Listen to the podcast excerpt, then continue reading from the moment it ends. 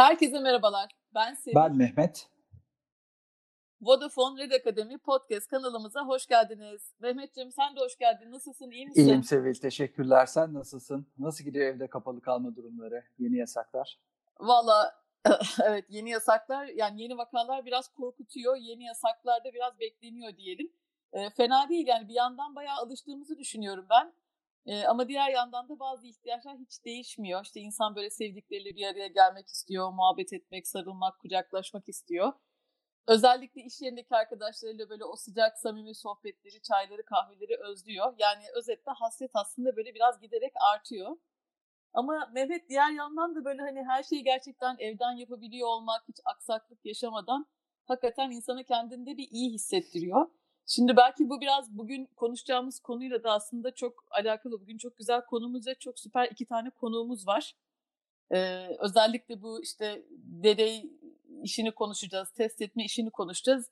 Ben bu döneminde herhalde insanlık için böyle ciddi bir test dönemi olduğunu düşünüyorum. Bilmiyorum sen ne dersin? Ee, yüzde yüz katılıyorum. Çok deneysel bir ortamdan geçtiğimiz aşikar gerçekten.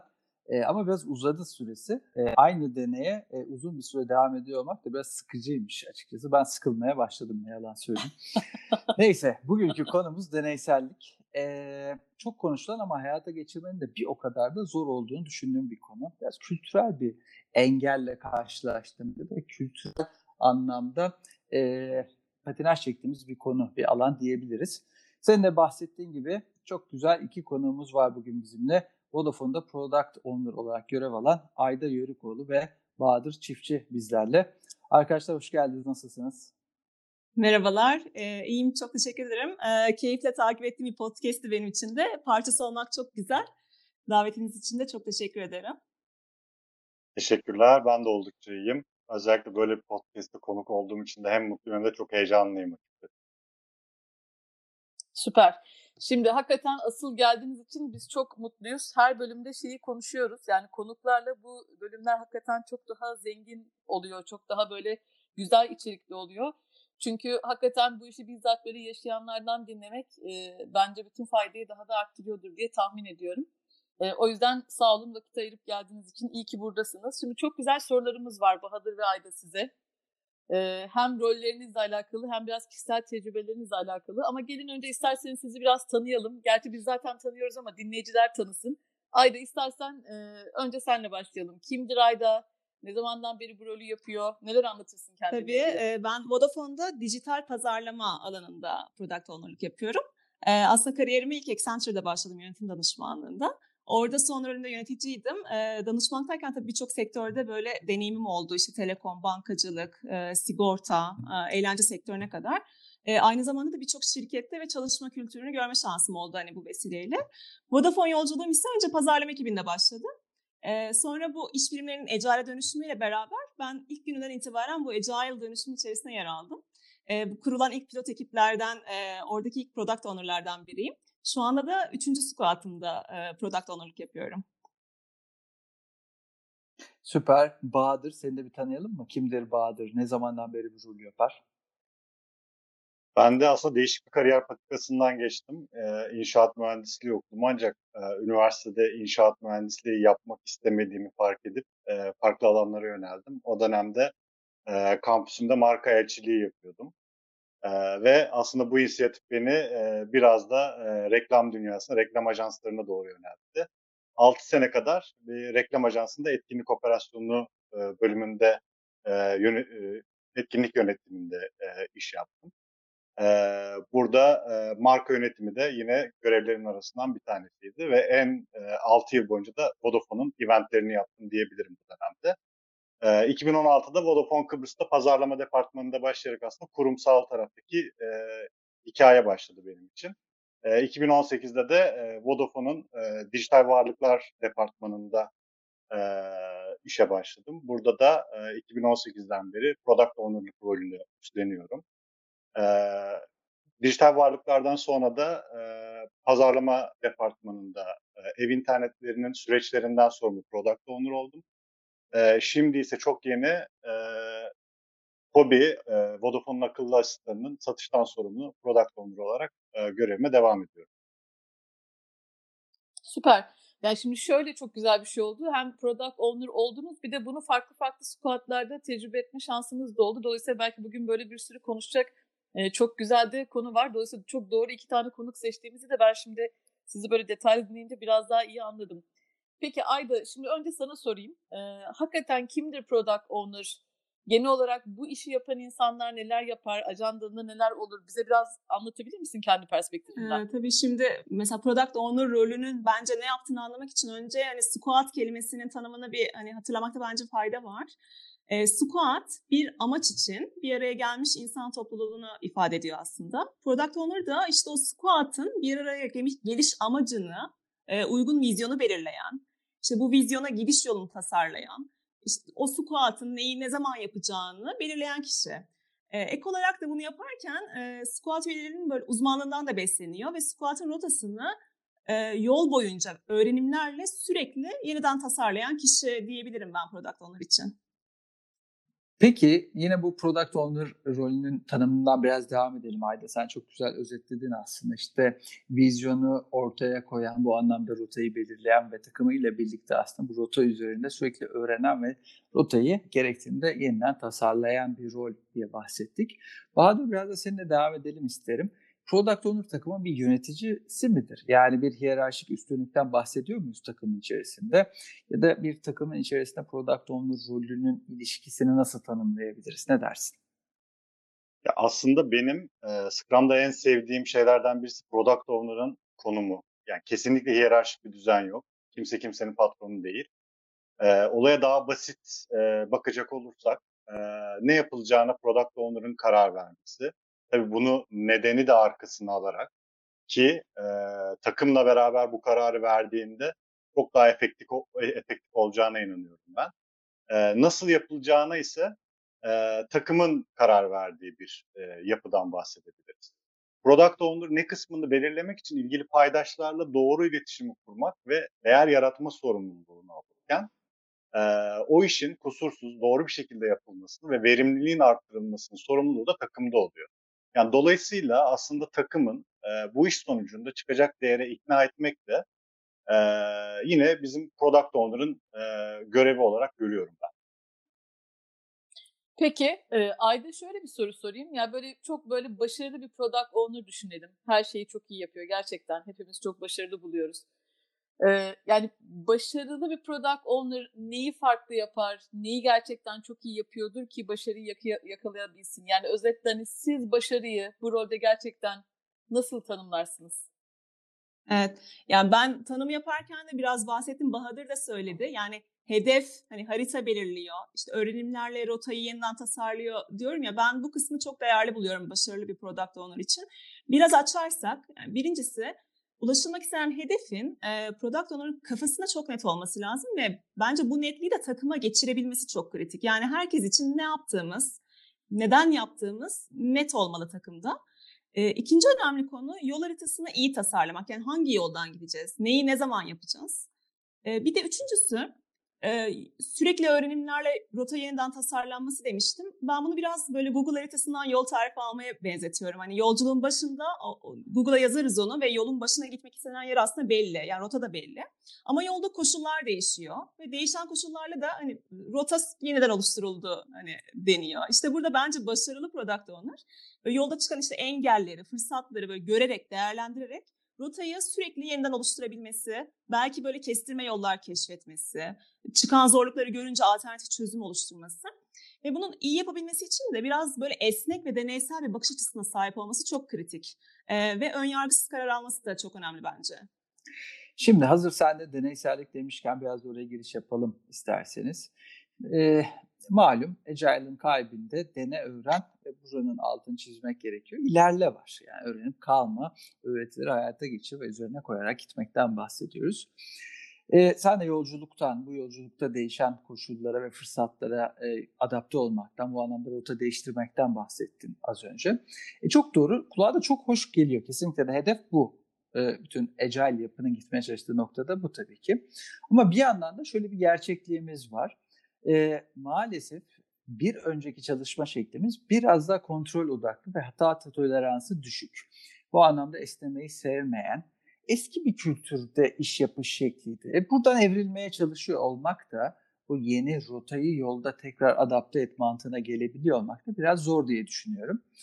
E, bu anlamda e, şuna bir baksak mı beraber? E, Bahadır belki devam edebiliriz. Neden deneysellik? Yani ne anlıyoruz bir kere buradan?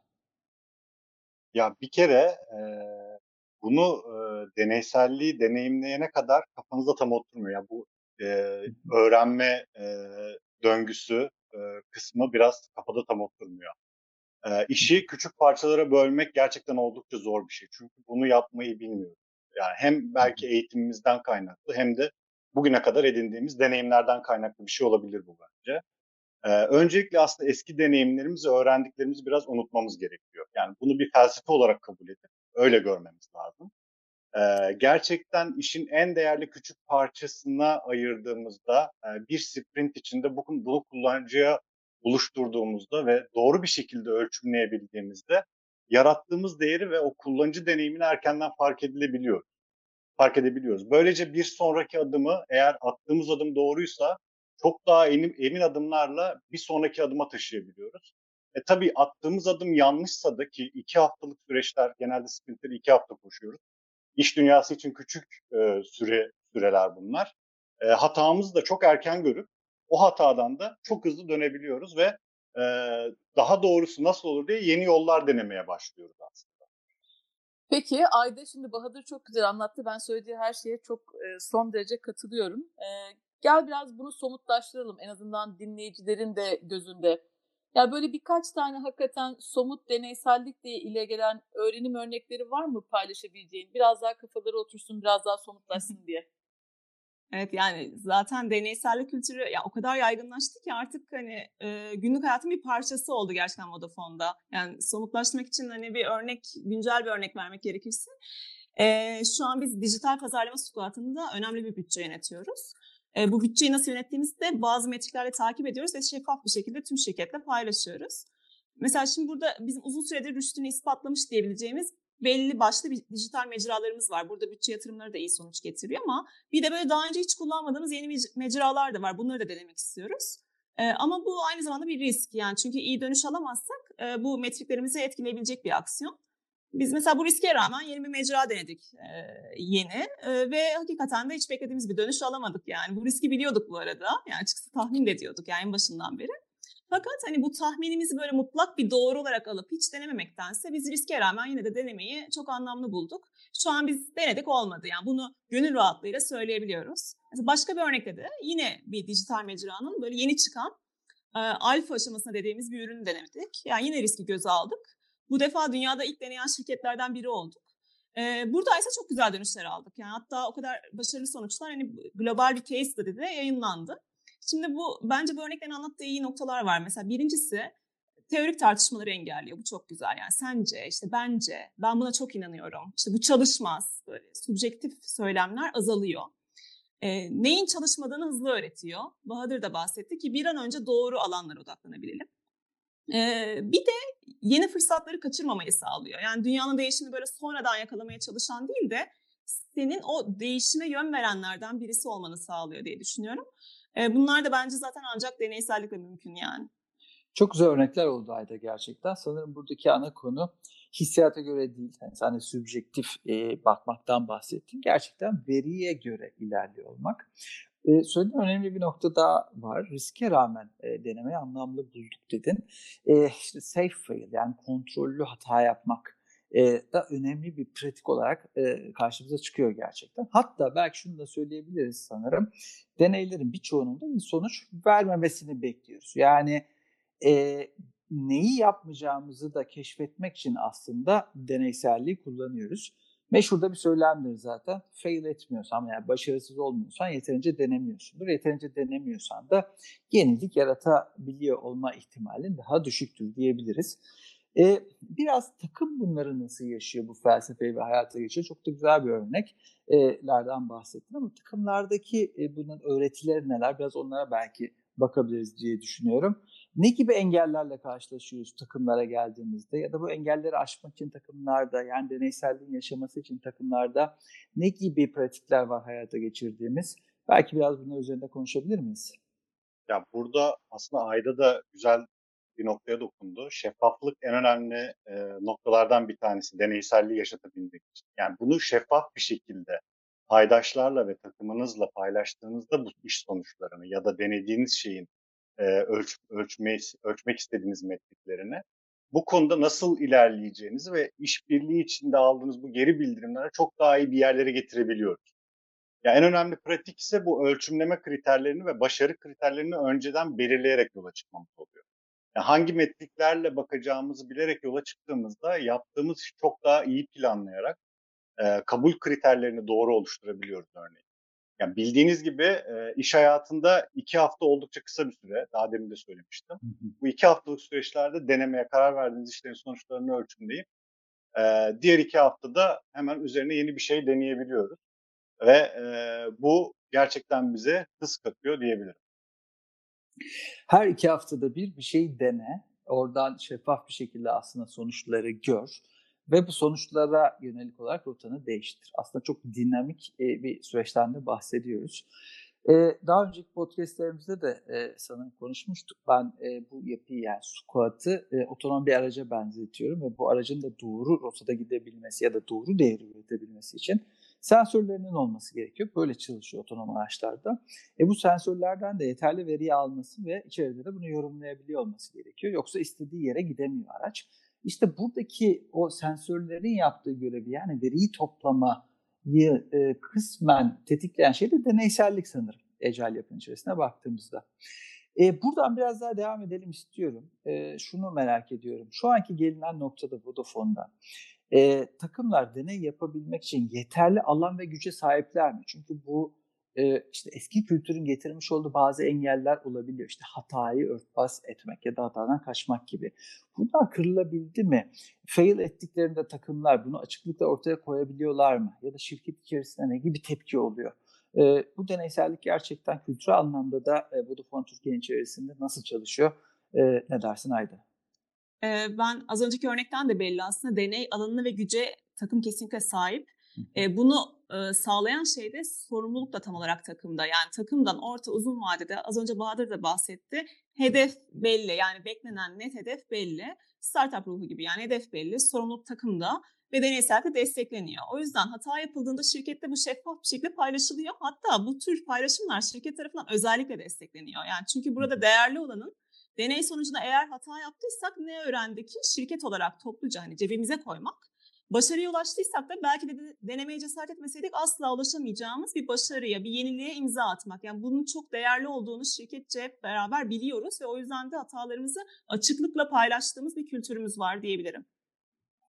Evet Ayda senin bu söylediğin bana biraz son bir buçuk yıl içerisinden böyle geçtiğimiz kültürel transformasyonu da çok e, böyle çağrıştırdı. Hani bir yandan ecel yapıyoruz ben Agile'ın e, globalden gelen bu kültürel transformasyondaki öğelerle çok iyi örtüştüğünü de düşünüyorum. Bizim de orada böyle dört tane hedeflediğimiz e, davranış var. Bunlardan bir tanesi de aslında hakikaten işte dene, yanıl ama öğren. Dolayısıyla aslında hani bazen böyle sohbet ettiğimiz zaman arkadaşlar ya hataları niye arttırdın? Konu hatayı arttırmak değil aslında ama hata yapıyorsan ve onu bir öğrenmeye çevirebiliyorsan bu aslında insana çok daha e, güzel gelişmeler de getirebiliyor. Peki şimdi biraz hakikaten çok güzel şeyler konuştuk. Biraz da gelin insan boyutunu konuşalım isterim ben. Ee, şimdi deneysellik tabii insanın gelişimi için de çok önemli. Ben eminim ki hani son dönemde product owner rolüyle birlikte e, eminim sizlerde de bir takım değişimler olmuştur, gelişmeler olmuştur. E, ne düşünüyorsunuz? Yani hakikaten nerelerde değişiklik oldu, perspektifiniz nasıl değişti? Yani özetle bu PO rolü gerçekten sizin gelişiminize nasıl bir katkı sağladı? Bahadır hadi gel senle başlayalım burada da. Ya bence Ecel genel olarak herkese inisiyatif alma şansı tanıyor. Yani hangi rolde olursanız olun, isterseniz PO olun ya da isterseniz o takımın bir parçası olun. Değerin nerede olduğunu artık ben mesela daha hızlı fark ediyorum. Ee, ve mesela bir talep geldiğinde, e, bir fikir düşünmeye başladığımda da o işin hep en küçük en değerli parçasını düşünmeye başladım. Hatta bu benim hayatıma da e, ziyaret etti diyebilirim. E, böyle alacağım kararlarda falan böyle hep e, bu işin MVP'si, en küçük, en değerli kısmı neresi diye e, böyle ilerlemeye başlıyorum ve bu kültür bence çok güzel. Yani e, hayatımın merkezine yerleştirdim diyebilirim. Süper. Bu söylediğin Bahadır benim de Ecal'la tanıştıktan sonra hakikaten kendi hayatıma da çok fazla aldığım iki şeyden bir tanesi. Ben de endüstri mühendisiyim ve çok fazla sayıda planlama, işte bütün hataları öngörme, önceden bunlar için önlemler alma konusunda çok fazla eğitim aldım ve hep böyle çalıştım. Ama hakikaten iki tane şey var benim Ecel'le birlikte öğrendiğim. Bir, tam olmayı beklememek. Yani hiçbir zaman tam olmuyor hayatta hiçbir şey. Dolayısıyla o şartlarda en iyi ne varsa yapabileceğin onunla ilgili harekete geçmek çok önemli. Bir de senin de dediğin gibi yani böyle mükemmel, süper, her şeyi düşünülmüş bir şey yapmak değil de hani o şartların içerisinde o yaratabileceğin en küçük değeri bulup onu belki hayatta geçirip gelen insight'larla, gelen feedback'lerle geliştirmek benim de en azından kendi hayatıma aldığım gerçekten iki tane şey Ecel'le birlikte. Peki Ayda sana da şöyle bir soru sorayım. Şimdi bizi dinleyen mutlaka belki hani bu rolleri merak eden dinleyiciler de var. Ee, sen bir product owner olarak hakikaten kendini nasıl geliştiriyorsun, neleri takip ediyorsun, nerelere bakıyorsun? Ee, biraz onunla ilgili de bilgi paylaşabilir misin yardımcı olmak açısından? Tabii yani ben öncelikle kendim gelişmek için yani bu işe geçmişine de baktığımda önce bir Agile'ın felsefesini gerçekten iyi özümsemek çok önemli. Yani geleneksel bir lider ekibe liderlik yapmakla Agile bir ekibe liderlik yapmak arasındaki farklar bunları çok iyi anlamak e, lazım. Onu da böyle okuduklarımdan işte aldığım eğitimlerden teorik bilgileri ben uygulamaya çok önem verdim. Yani şu an dediğim gibi 3. squat'ımda product owner'lık yapıyorum. Her squat'ta Agile'ın farklı yöntemlerini denedik şimdiye kadar. İşte hem Scrum hem Kanban uygulamaları. İşte iş tipine göre değişiyor, ekibin yapısına göre değişiyor. Bunların hepsini denedik, uyguladık. E, ben böyle kendi rolümü de yani Agile'ın özüne sadık kalarak böyle yeni yöntemlerle sürekli farklılaştırıyorum. Farklılaştırdım da şimdiye kadar.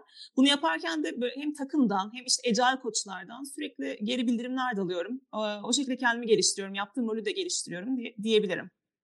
Süper. Biraz da anılardan konuşalım mı? Ee, sen de Ayda Bahadır da bahsetti. Birden fazla squat'ta aslında product owner tecrübeniz oldu. 5 süredir bu rolün içerisindesiniz. Buralarda e, merak ediyorum yaşadığınız, unutamadığınız, sizi şaşırtan, eğlenceli, bizimle paylaşmak isteyebileceğiniz e, farklı örnekler, anılar var mıdır? Ee, Vodafone yanımda uygulamasındaki e, story hikayeler özelliğini e, biliyorsunuzdur girmişseniz. Bu bizim evet. e, Vodafone'un faturalı hatlardan sorumlu olduğum squad'da yaptığımız ilk inisiyatiflerden bir tanesiydi. Ee, biz bu story'yi ilk canlıya aldığımızda Twitter'dan çok güzel tepkiler geldi. Böyle bir yandan bir WOM etkisi yarattı bu e, ürün. E, bunun üzerine de iş e, çıktılarımız gerçekten e, çok güzel iş çıktılarımız oldu. Yaklaşık 10 katına kadar fazla etkileşim almaya başladık. Ve e, aslında bu iş çıktılarımızda da e, Nisan 2019'da Vodafone Global'de e, story özelliğiyle beraber e, ayın squat'ı seçildik. E, ve bence çok güzel bir MVP örneği e, story. E, story'yi canlıya çıktıktan sonra e, bu güzel e, iş sonuçlarının üzerine daha ne yapabiliriz diye düşündük ve kısıtlı zamanlı, limitli zamanlı story özelliğini getirdik ve hala Vodafone'daki birçok kampanya e, bu limitli zamanlı storylerle yapılıyor ve bunu gördükçe çok mutlu oluyorum. Şimdi seni dinledikçe şeyi hissettim Bahadır. Eskiden hani böyle bulk bir sürü feature bir anda e, işte aylarca çalışıp e, lanse edip bir anda çıktıktan sonra e, her şeyde başarılı olmuyor ve başarısız bir ürün lansmanı da olabilir ve oradan çok kötü hissediyorsun. Ya onunla şunu karşılaştırıyorum. Hani MVP belki birkaç ayda bir şey çıkartıyorsun. Hatta belki birkaç haftada bir şey deniyorsun ve başarılı oluyor ve onun üstüne büyüyor. İnanılmaz farklı bir motivasyon gerçekten diye düşünüyorum e, seni dinlerken ben de biraz hani e, bunun getirmiş olduğu hem değer hem de insana gerçekten bir şeyler başardık ve doğru yolda gidiyoruz motivasyon tarafında tekrar vurgulamak istedim. Evet maalesef zaman yine hızla geçti. Yine bir bölümün sonuna geldik. Sevil çok hızlı akmıyor mu? Bana mı öyle gelmeye Evet çok başladı? enteresan bir şekilde sanki bölümler ilerledikçe daha da hızlı akıyormuş gibi. Yani evet. hız da artıyormuş gibi. Evet. Evet ama Bu, buradan buradan dinleyicilerimize bir anket yapsak mı? Podcastlerimiz bir saat olsun ister misiniz? Başımıza iş mi alıyoruz? De, deneyip deneyip yanılıp görmek lazım Mehmet. Hayır diyemeyeceğim. Bu konunun üzerine hiç hayır işte diyemeyeceğim budur. yani. İşte süper. Deneysellik de bu tam olarak harika. E, şimdi e, bizi takip ediyorsanız e, biliyorsunuzdur. Biz bir doz mesaj vererek bu bölümleri kapatmayı seviyoruz. Böyle bir ritüelimiz var bizim de podcastlerde. E, konuklarımız olarak e, bu mesaj vermeyi sizden rica ediyor olacağız. Ee, özellikle deneysellik kapsamında product owner'larla ya da agile takımlarla paylaşmak istediğiniz bir mesajınız ne olur? Benim bir dost şu olur. Ee, karar alırken kendinize daha az güvenin diyebilirim. Şimdi bu cümleyi bu haliyle kula, yani şey yapınca da kulağa biraz ilginç gelebilir tabii. Kastettiğim şey şu. Yani çoğu zaman e, geçmişteki tecrübelerimize güvenerek bir karar alıyoruz. Halbuki işte günün koşulları değişiyor. İşte biz de değişiyoruz. Dolayısıyla karar alırken böyle geçmiş tecrübelerime göre bu kararı almalıyım. Yani bu kesinlik yerine biraz böyle skeptik bir yaklaşımda kalıp işte acaba bu tecrübelerle vardığım bu sonuç güncel koşullarda çok da geçerli olmayabilir mi? Yani bir şüpheliyim, en iyisi tekrar deneyeyim diyebilmek. Ben bu yaklaşımın bu arada inandığımız şeyleri değiştirmeye, tekrar öğrenmeye fırsat sunduğunu da düşünüyorum. Yani naçizane kendi kişisel dönüşümümüze de çok katkı sağladığını düşünüyorum ben. Ben de ritüellere bayılırım. Ee, olarak. ee, Scrum bana hata yapmaktan korkmamayı öğretti diyebilirim. Ee, çünkü gerçekten yani genel olarak da zaten bu e, podcast'te konuştuğumuz kısa aralıklarla e, sürekli çıktı veriyoruz ve hatamızı telafi etme şansımız oluyor. E, o yüzden de hata yap- yapmaktan korkmamamız gerektiğini e, vurgulamak isterim. E, belki de bu e, bölümde benim verebileceğim en önemli mesaj bu oldu. Süper. Ee, harika bir bölüm oldu. İki tane iki doz mesajla kapatmış olduk. İki konuk olunca bence ikisi de ikisi de birbirinden değerli. Ayda söylediğine şöyle katılıyorum. Evet yani hani dönemler değişiyor, ihtiyaçlar değişiyor. Belki denemekten de hiç yılmamak lazım. En güzel icatlar biliyorsun. Bazen de aynı şeyi deneye deneye ısrar ede de ortaya çıkıyor. Ee, ritüelleri de çok konuştuk Bahadır bu podcast'te. Hani amaç ritüel değil de ritüelin insanın hayatına getirdiği disiplin ve onunla birlikte yarattığı gelişim bence hakikaten çok da önemli. Ee, arkadaşlar iyi ki geldiniz. Gerçekten çok mutlu olduk. Çok teşekkür ederiz. Çok güzel şeyler paylaştınız. Ee, bence iki de çok güzel örneksiniz yani bu şirketin içerisinde. belki PO olmak isteyen, belki bu çalışma şekline kendini daha fazla dahil etmek isteyen insanlar için paylaştıklarınız çok kıymetli. Ee, hakikaten çok teşekkür ederim. Renk kattınız. Evet sevgili dinleyenler tekrar sona geldik. Zaman hızlı geçti. Muhtemelen size de öyle geçiyordur. Bir sonraki bölüme kadar hepiniz sevgiyle kalın. Hoşçakalın. Çok teşekkürler arkadaşlar. Çok keyifliydi gerçekten sohbet etmek. Görüşmek üzere. Hoşçakalın.